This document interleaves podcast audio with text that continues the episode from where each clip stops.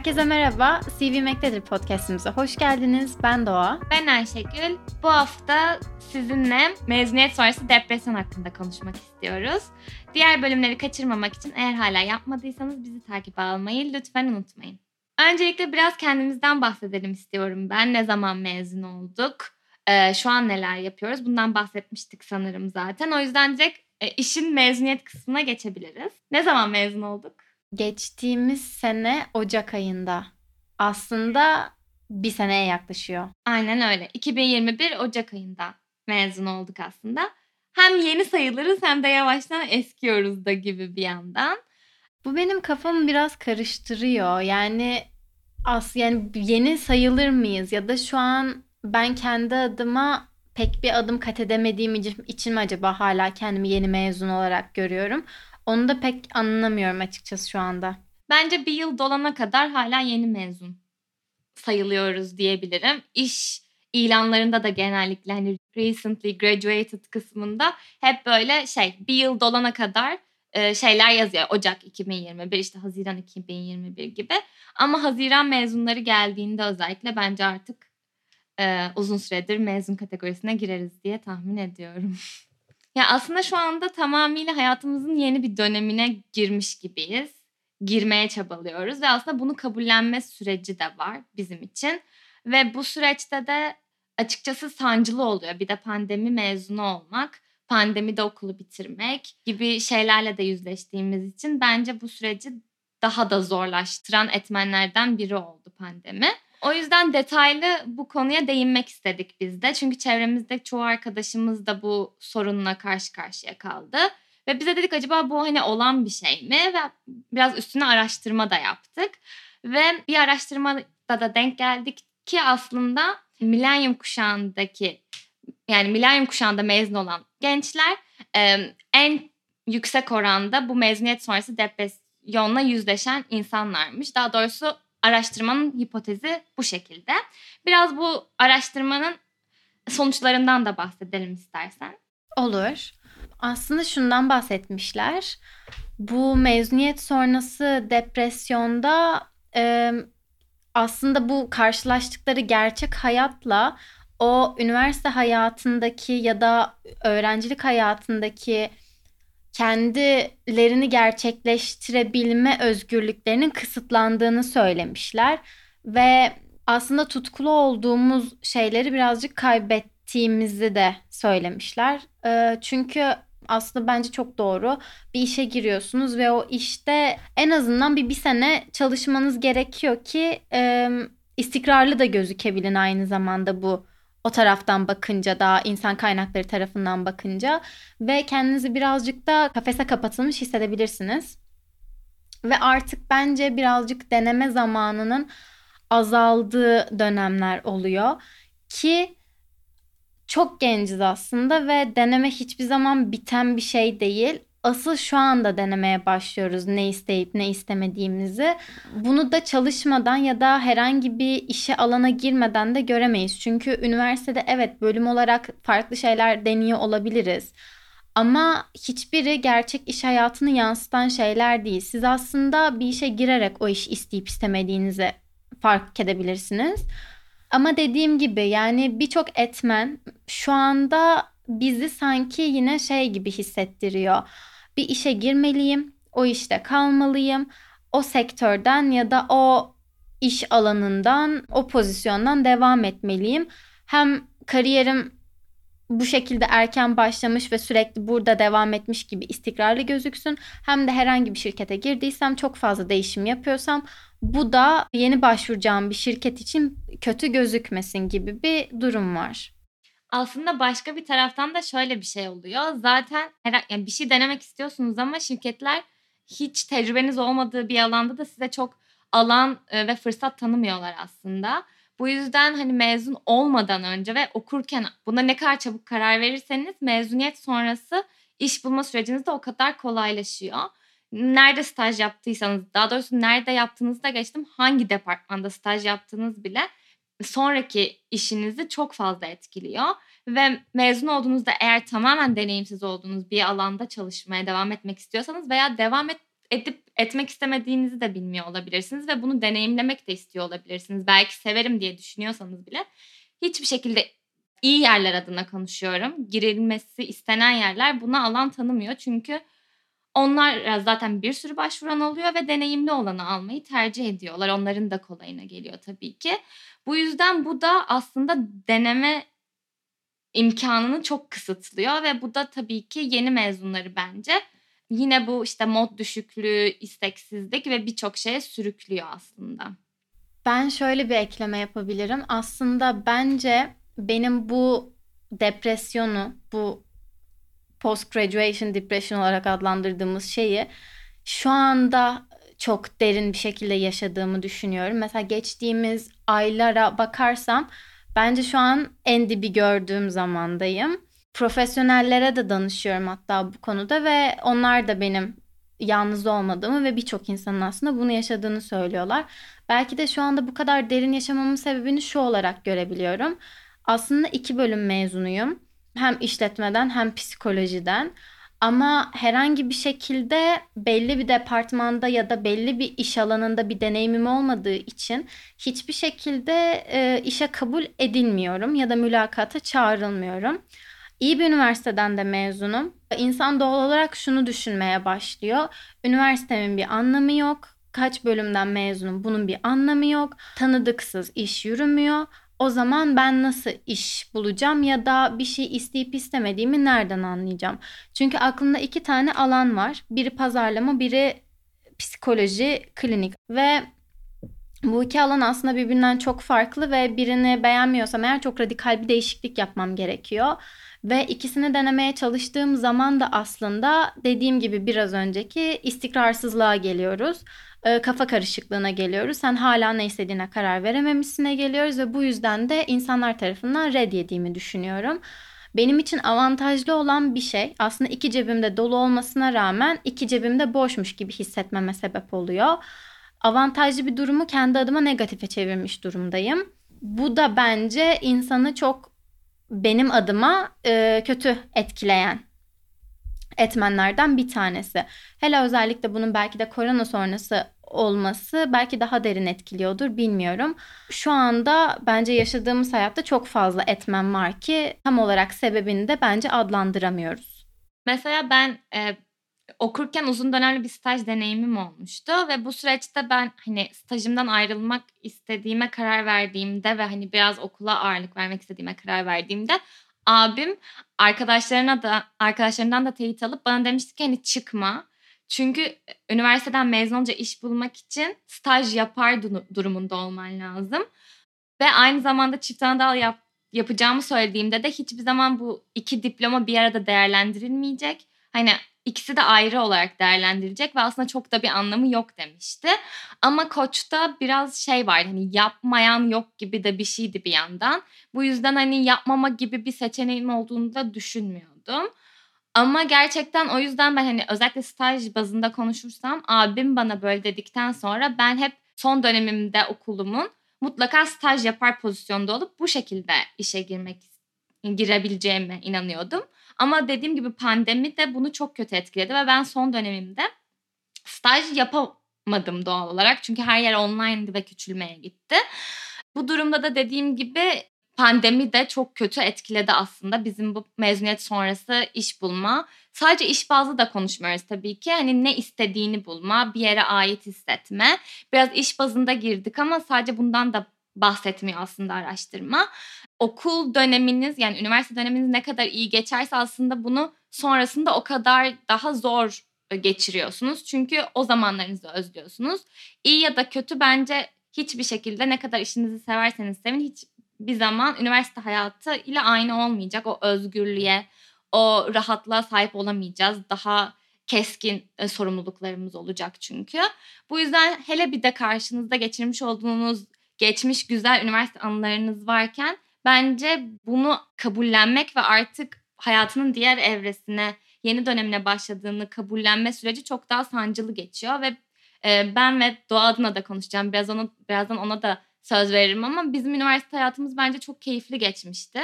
O yüzden bence daha da derinden yaşadık bu durumu diye düşünüyorum ben. Ben de şöyle bir ekleme yapabilirim. Dediğin gibi biz bence de iyi yaşayanlardanız. Çünkü bizim hem kampüs hayatımız vardı hem de hareketli bir hayatımız vardı. Hani yani şey gibi değildi. Bence ikisi çok farklı şeyler. Hani gidip bir binaya girip hani bir dersten çıkmak gibi değildi aslında. Hayatınız bir bakıma orası ve o okul oluyor. İstediğiniz gibi arkadaşlarınızla her an birliktesiniz. Daha sonrasında bunu yakalamak çok zor oluyor ve kopmalar yaşanıyor. Tabii bunları da bence koronada bu kadar insanlardan koptuktan hemen sonra bir de üniversite hayatının bitmesi insanlardan da çok fazla kopmaya da sebep oldu. Buna birazdan geçeceğim. Sadece şunu eklemek istiyorum. Ee, bu güzel üniversite hayatına ve aslında bu özgürlüğün en çok yaşandığı zamana. Şöyle ki ben mesela üniversite zamanında evet staj yapmanın önemli olduğunu duyuyorduk ama ben aynı zamanda kendimi geliştirmenin çok fazla önemli olduğunu ve konfor alanımın dışına çıkmanın asıl bana yararlı olacağını düşünen biriydim. Aslında bence hala doğru düşündüğüme inanıyorum ama iş hayatı yanlış düşündüğümü söylüyor. Şöyle ki ben e, work and travel yapıp Amerika'da Disneyland'de çalışmıştım. Bu bence hayatınız boyunca yakalayamayacağınız bir deneyim. Kesinlikle çok keyifli geçmişti ve daha sonrasında bir sonraki sene Erasmus'a Hollanda'ya gittim. Bu da tamamen bambaşka bir keyifti ve ya bu iki deneyimde de kendimde çok fazla şey bulduğumu ve keşfettiğimi düşünüyorum. Hayatımın en keyifli zamanlarıydı da diyebilirim. Hollanda'dan döndükten sonra bu sefer de şunu söyledim. Amerika'da hayatı gördüm, Avrupa'da hayatı gördüm. Şu anda uzak doğuyu denemek istiyorum deyip exchange'e başvurmuştum ve Japonya'dan, Kyoto'dan kabul aldım. Ama tabii o sırada pandemi patlayınca gidemedim. Yani şu anda hali hazırda elimde olan deneyimlerim bile kişiliğime ve hayatıma aslında katkısının çok farkındayım. Ee, sadece ben bunlara odaklanırken staj deneyimini ve staj fırsatını kaçırdığım için şu anda hala işsiz olduğumu düşünüyorum birazcık. Evet bu arada gerçekten şey kısma çok katılıyorum. Bu hatta bir önceki bölümüydü hatırlamıyorum ama başarısızlık hissi bölümünde konuşmuştuk. Hani bu Amerika okullarının işte sosyal hayata işte bu dediğin gibi işte konfor alanından çıkıp yaptığın şeylere değer verip Türkiye'de bunların değer görmemesi zaten bence bizim ülke, ülkemizin bir gerçeği. İş hayatında da bu yüzümüze çarpıyor aslında. Çünkü ben hani yeni bir işe girdim ve burada çok net gördüm ki gerçekten hani asıl olayın yani yaptığım o uzun dönem staj olması yani. Hani ben stajı birazcık senden daha fazla önemsiyordum zaten. Ama hani bu kadar da olduğunu bilmiyordum. Ve hatta aslında hep şey gibi bakıyordum. Hani iyi ki çok da staj yapmamışım. Üniversite hayatıma bakmışım. Ama mezun olurken ve bu depresyonun içindeyken hep dedim ki keşke çok fazla değişik alanda staj yapsaydım ve çok fazla değişik alanda iş e, bulabilme fırsatına sahip olabilseydim diye düşündüm. Senle de paylaşmıştım bunu. E, ne yazık ki böyle bir dönem ve şey var işte yani süreç böyle ilerliyor ne yazık ki. Ve bu da tabii ki işte dediğimiz bu mezuniyet sonrası aslında ben hani hiçbir şey yapmadım mı? Hani yani sizi çok fazla kendiniz üzerinden sorgulamaya da itiyor. Aslında hani çok fazla şey yapıyorsunuz. Kendinize çok alandan fazla şey katmış oluyorsunuz ama iş deneyiminin birinci planda olması bence yani insanı çok demotive ediyor ve kötü bir tokat gibi de geliyor aslında. Çünkü ben şahsen hani hiç deneyimim olmadığı bir alanda bir mülakata girdiğimde gerçekten çok ciddi karşı taraftan da kötü muameleye sebep oluyorum. Hani niye bu mülakattasın hissini veriyor. Ama sen yeni mezun kategorisinde birini aradığını yazıyorsun ve benden deneyim bekliyorsun. Bu da çok fazla soru işareti uyandırıyor tabii insanın kafasında. Ama şu da var ki ya şunu düşünüyorum. Evet bana iş kaybettirmiş olabilir bu yaşadığım üniversite hayatı ama bana kendimi kazandırdı. O yüzden aslında bu durumda çok da mutluyum. Sadece şu an yaşadığım şeyleri yaşamama sebep oluyor. Onun dışında mesela neyi değiştirirsin diye sorulursa eğer evet bir tane denemek istediğim alandan staj eklemek kesinlikle isterim ama yine hala bu durumdayken bile söylüyorum. Kendimi staj olarak kasmam. Gerekirse bir kulübe üye olurdum. Gerekiyorsa bir spor takımına bir şeye üye olurdum. Orada aktif yer alırdım. Pişmanlıklarım benim hala yapamadığım bu aktivitelerde, yapamadığım stajlarda değil. Bir tane cebime koysaydım gerçekten denemek istediğim alanda belki de bana farklı kapılar açacaktı. Bunu da bilmiyorum. Ama demek ki aslında doğru bir yol çizmişsin kendi düşüncelerine göre bence. Tabii ki benim de mesela bir sürü keşkem var ama yani bir şekilde tabii ki illa stajsız da olmuyor diye bir şey yok yani bu arada. Hani tamam olsa çok daha rahat oluyor belki ama olmayacak diye de bir şey yok yani buradan böyle hani imkansız imajı da vermek asla istemiyorum cidden çünkü hani yeni mezun alıp yetiştirmek isteyen bir sürü de şirket var. Sadece süreç biraz daha sancılı oluyor ama olmayacak diye de bir şey yok yani. Bir de şey söyleyebilirim hani burada aslında işimin olmadığını söylüyorum. Ama aslında baktığımızda boş vakitlerimizde seninle bir podcast'e başladık ve buradan şu anda devam etmeye bir yolumuzu bulmaya çalışıyoruz. Onun dışında bir projede aslında asistanlık yapıyorum. Onun da yanında aslında babamın yanında e, bir şekilde iş öğrenmeye ve e, ticaret öğrenmeye çalışıyorum. Yani aslında bölündüğüm çok fazla yer var. Belki de sorun burada. Yani çok fazla şey yapmama rağmen akşam eve geldiğimde ya da boş vaktim oturduğumda aslında kendi kendime hiçbir şey yapmıyorum gibi hissediyorum. E, bu da insanların aslında normal olarak algıladığımız bir işim olsun ve ona gidip geleyim hayatımın şu anda olmayışı böyle bir düzende olmamam muhtemelen. Yani bunların hepsi bence şu anda yaşanılan döneme katkı sağlıyor. Ya aslında bu bence yani işe gidip gelme kısmına gelecek olursak bence hani bir yere ait olma ve hani o üniversitede dediğimiz o plansız sosyalleşme hissini tekrardan deneyimleyebilmek için de aslında hani insanlar bence işe gitmek istiyor ya da Hani bazen mesela işte her zaman insan verimli olmuyor ama gidip gelince hani akşam dinlendi. Hani bugün işe gidip geldim. Bugün verimliydim düşüncesini bir şekilde kafana sokabiliyorsun. Ama kendin çabalarken nedense o tatmin öyle olmuyor. Neden bilmiyorum. Bir de aynı zamanda şey de çok oluyor. Tabii ki bu sosyal medyada işte e, LinkedIn başta olmak üzere Instagram vesaire çevremizde gördüğümüz insanların girdiği yerler. İşte yap yaptığı işler. Bunlar da çok fazla kendini onlarla karşılaşmaya itiyor. Hani ben mesela aynı okuldan mezunum. O buraya girdi, şu şuraya girdi. Hani herkes bir şekilde bir yere giriyor. Yani staj baz, staj çok özür dilerim iş bazında konuşacak olursak. Ya da işte bir insan iş kuruyor, bir şeye başlıyor, YouTube kanalı açıyor. Hani insanların aktif olduğunu gördükçe ve onlarla kendini karşılaştırdıkça aslında daha da kötü bir döngüye giriyor ve bu depresyon mu deriz artık işte bu kötü his mezuniyet sonrası yaşadığımız o tetikleniyor bence de bu insanlarla karşılaştırma süreci. Twitter'da şey görmüştüm. Şey Instagram'ın aslında böyle en kötü platform olduğunu söylüyorlardı ama biri de şey yazmış. Hani sen hiç LinkedIn'i denedin mi diye. Gerçekten öyle. Ya şu anda LinkedIn bu süreçte kendi adıma en çok bakmamaya çalıştığım ve en çok kendime insanlara referans almamaya özen gösterdiğim platform. Çünkü herkes bir yerlere girmeye başlıyor ve ister istemez kendini karşılaştırmaya başlıyorsun. Bendeki eksik ne? Ben niye giremiyorum? Ama burada aslında kafamda en çok beliren şey sendeki eksik bir staj. iki istediğin sektörde tanıdığının olmaması. Bu da bence çok acı bir durum. Eminim ki yurt dışında da böyle hisseden ve mezun olduktan sonra ne yapacağını şaşıran gençler eminim ki vardır. Ama Türkiye'de yaşamanın ve Türkiye'de bir genç olmanın da buna çok büyük katkı sağladığını düşünüyorum ben şu anda yaşadığım durum için. Çünkü ne yaparsam yeterli değil ve yaptığım her şey başka biri için, başka bir durum için yanlış geliyor. Tabii bunun yanında ister istemez gelecek ve kazanç kaygıları da doğuruyor bunlar.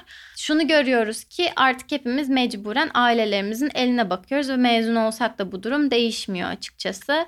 Şu anda bir işe girdiğinizde de yine aynı şey e, başınıza gelecek. Yine aileden çok fazla da bağımsız olamıyorsunuz. Çünkü yeni işe başlama maaşları zaten belli. Onun dışında şu da bence çok büyük kaygı doğuruyor. Kendi adıma yani herkesin kendine göre bir standardı var ve o standardı yakalayıp yakalayamayacağınız konusunda bence çok büyük endişeler doğuruyor. Ve bir takım iş dalları veya iş kolları daha çok para kazandırıyor diye sadece kulaktan doyma bilgilerle o iş alanlarına yönelip hayatımızı çok mutsuz insanlar olarak da geçirebiliyoruz. Şu gerçekten doğru. İnsan mutlu olduğu işte her türlü para daha fazla kazanıyor. Çünkü ona göre bir ilginiz var. Yaptığınız iş iş gibi gelmiyor olabilir ya da daha keyifli bir şekilde o alanda daha çok bilgiye sahip oluyorsunuz diğer insanlardan ve bu da size onların önüne koyuyor aslında. O yüzden şu anda kendi yaşadığım karmaşada birazcık buna odaklanmamaya çalışıyorum. Bu geçtiğimiz birkaç ay boyunca kafamda çok fazla bu konuyla ilgili de benim soru işaretleri vardı. Özellikle psikoloji alanında en çok getirinin klinikte olması beni belki de bu alana en çok yönlendiren şeylerden biriydi. Ama gerçekten bunu isteyip istemediğim konusunda da hala eğer şüphelerim varsa demek ki e, birazcık maddi tarafa daha az özen gösterip kendimi yine bulmaya çalışmam ve kendimi dinlemeye devam etmem gerektiğini düşünüyorum.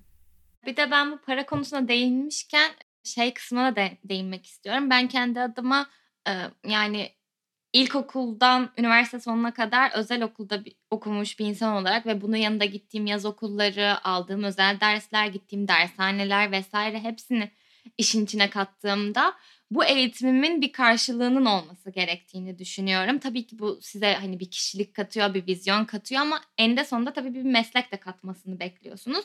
Ve bu mesleğinizin de tabii ki başta hiç kimse hiç kimse için demeyeyim ihtiyacı olan insanlar dışında para bazlı da başlamıyorsunuz ama bir süre sonra hani bu eğitiminizin bu yani ödenen paraların karşılığını alabilecek olmak istiyorsunuz.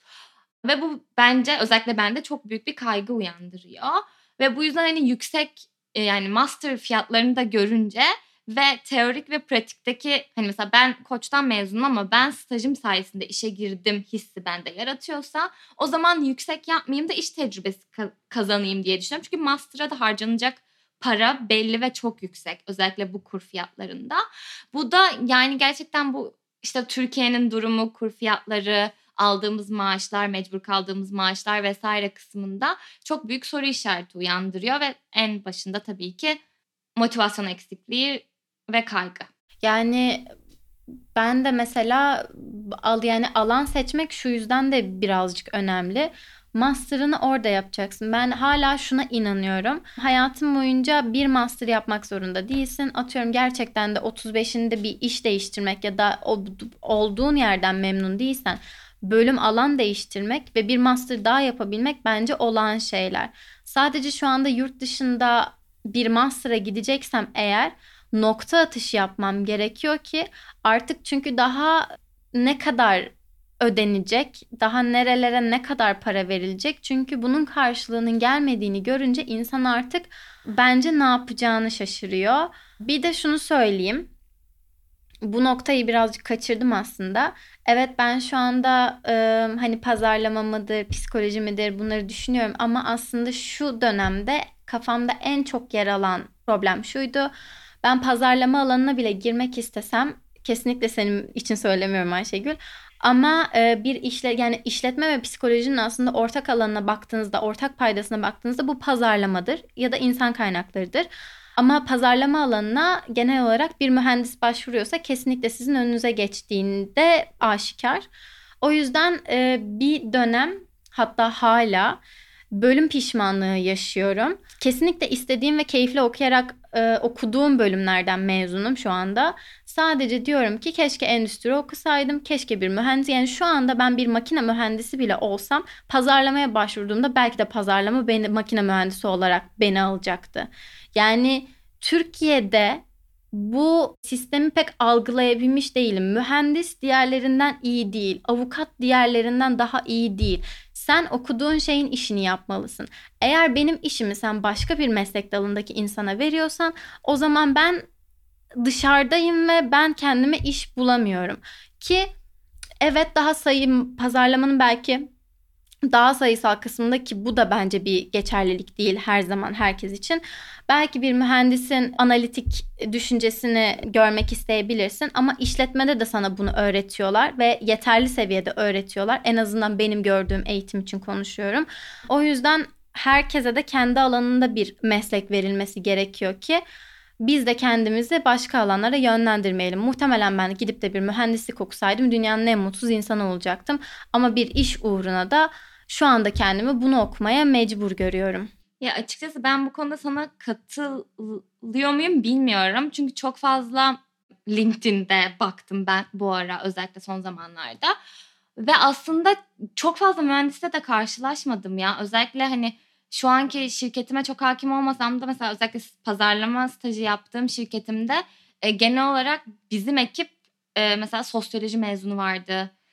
Çok fazla kimya biyoloji mühendisi mezunu vardı mesela. Hani alakasız bölümlere aslında çok fazla yer veriyorlar. Bence buradaki sorun başta da dediğim gibi sorun e, değil daha doğrusu sıkıntı. Aynı şeyi söylemiş oldum sorun ve sıkıntı derken ama e, handikap şu yine ona geleceğim. Bölüme bakmıyorlar ya. Gerçekten ben staja ya deneyime baktıklarını düşünüyorum. Çünkü mesela atıyorum e, ben şeyi de gördüm. Koç mezunu değil yani ilk altı üniversiteden mesela mezun değil. Ama e, atıyorum Unilever'de staj yapmış ve o şu an orada bir çalışan. Hani bence cidden buna bakıyorlar galiba. Baş, belki İK'cı değilim. Baş, baktıkları başka parametreler illaki vardır. Ama bence birinci öncelik deneyim galiba. İlla ki dediğin doğru. Çünkü şöyle mühendislerde şöyle bir e, şey oluyor senin dediğin gibi. Ön, yani pazarlama alanında önceliklendiriliyorlar mı? İnan onu bilmiyorum. Dediğim gibi bu son yaptığım işte LinkedIn araştırmalarına göre ama mesela mühendisler bir data işine de başvurabiliyor. Bir pazarlama işine de başvurabiliyor. Aslında başvurabildikleri alan sayısı çok geniş.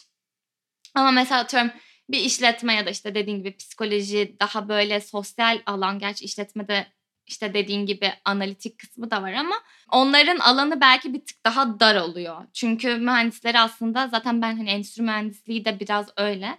Hani ne istersen olabiliyorsun. Hani o fırsatı yakalarsan e, belli bir işin ve işte seni spesifik kısıtlayan bir mesleğe sahip olmuyorsun çünkü mezun olurken aslında. Ama bence hiç öyle düşünme keşke endüstri okusaydım ya da vesaire. Kesinlikle bence kendin için doğru bölümleri okudum. Ya bence burada insanda şu hissi uyandırıyor. Bir sonraki bölümlerde de hatta bunu eklemek çok istiyoruz özellikle ben şu anda değer görmediğim ve e, kıymetimin bilinmediği bir ülkede yaşamaktan ve iş aramaktan ziyade yurt dışına gitmeyi şu an kendim için en doğru adım olarak görüyorum. Bana katılanlar vardır, katılmayanlar vardır. Tabii şu anda uzaktan hani davulun sesi hoş gelirmiş. Hani oradaki sisteme de hakim değiliz bilmiyoruz ama burada bir takım parametreler çok yanlış çalışıyor ve işte gitmeli mi kalmalı mı sorusu burada başlıyor. Aslında gitmek mi kalmak mı diye bir soruya cevap bulmadan önce bu kadar radikal bir çözüm çözüme odaklanmadan önce farklı çözümlerle devam edebiliriz. Ya aslında bu süreci nasıl daha hafif bir şekilde geçireceğimizi konuşabiliriz belki de. Nasıl daha iyi yönetebiliriz? Aynen kesinlikle. Ya ben kendi adıma konuşmak gerekirse en önemli şeyin bunu çevrendekilerle konuşmak olduğunu düşünüyorum. Çünkü başlangıçta belki de en yakın çevren olmasa da insanların bunu yaşamadığını ve bunu sadece kendin yaşadığını düşünüyorsun ve o bahsettiğim karşılaştırma sorunsalından dolayı bu his daha da büyüyor ve içine daha da büyük sıkıntı oluşturuyor. Ne zamanki çevrendekilerle konuşmaya başlıyorsun ve hatta bizim doğayla böyle bir anımız da olmuştu. Hani tam aynı şeyleri yaşadığımız bir dönemde böyle konuşuyor. Aa ben de onu yaşıyorum, ben de onu yaşıyorum gibi. O yalnız olmadığını hissettiğin an bence içindeki sorun daha çok hani çözülebilir bir şey olduğuna inanıyorsun. Ee, bende durum böyle işlemişti. Beni daha çok hani yalnız değilsin. Hani bunu sonuçta bu herkes bir şekilde bunu çözecek yani kimse kötülüklerle devam etmiyor. Etmeyecek yani hiç kimse için bu süreç. O yüzden insanların bunu yaşadığını gördükçe aslında bir noktada çözüleceğini ben kabullenmiştim ve bu bendeki bu hissi azaltmıştı. Ben de şunu söyleyebilirim. Evet insanlarla, çevremizdekilerle konuşmanın yanı sıra bence eğer alabiliyorsak profesyonel bir yardım da alabilmek bence insana iyi geliyor. Onun dışında en çok aklıma şu geliyor çözüm dediğimizde.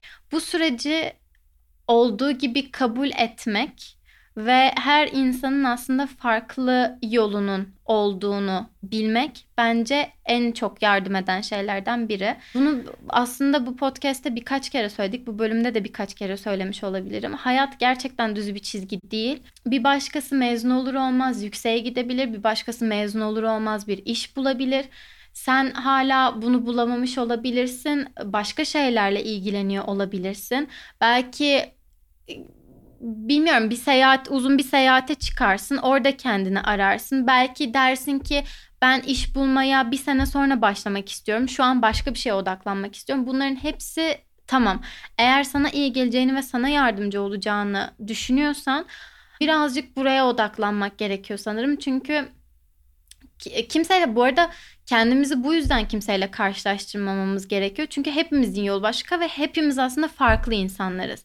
Yani hepimiz bu hayatta farklı şeylerden mutlu oluyoruz. Bu aslında şu da biri bir işe girdiğinde orada mutsuz olabilir ama sen aynı işe girdiğinde çok mutlu olabilirsin. O yüzden kimseyle kendini kıyaslamamak gerekiyor. Evet çevrendekilerle konuş ama onu ilk önce bir kendi süzgecinden geçir.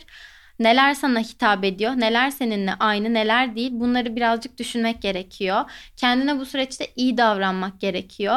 Eğer kendini hırpalarsan bu şey işte şöyle başarısızsın, böyle yetersizsin, sende şu yok, sende bu yok diye eğer kendine çok fazla bu süreçte hasar verirsen o zaman bu süreci atlatman çok daha zor olur.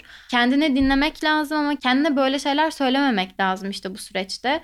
Ben ne istiyorum? Ben neden hoşlanıyorum? Hayatta aslında nasıl bir hayat hayal ediyorum? Bunları düşünmek.